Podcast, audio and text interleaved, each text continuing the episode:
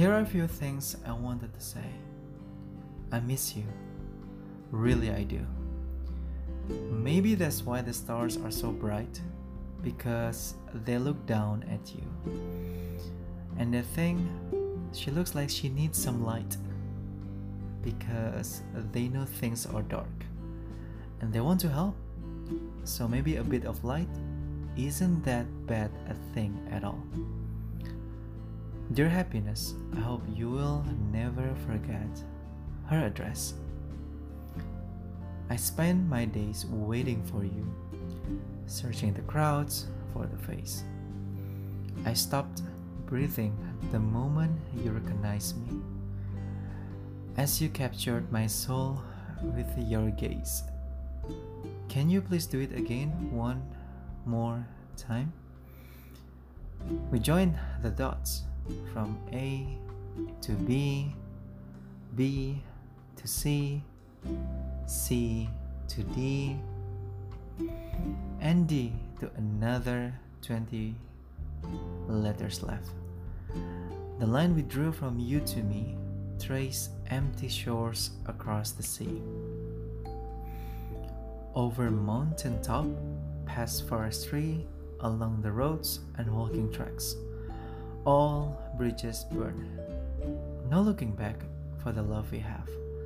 No fate can stop, no barking dog, or bolted lock. For what is real is meant to be when two hearts beat in proximity. Here's the thing you are you, and I was I. We were two before our time. I was yours before I knew, and you have always been mine too. I don't know how it is you are so familiar to me or why it feels less like I'm getting to know you and more as though I'm remembering who you are.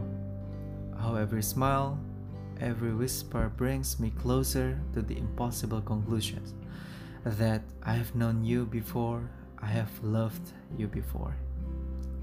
In another time, a different place, some other existence.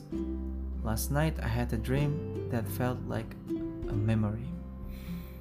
It was us, by the way, a glimpse of what, of what could have been. Cross signals from, yeah, another life. Where instead of all of this, I had you. And life was exquisitely simple, and we were desperately happy.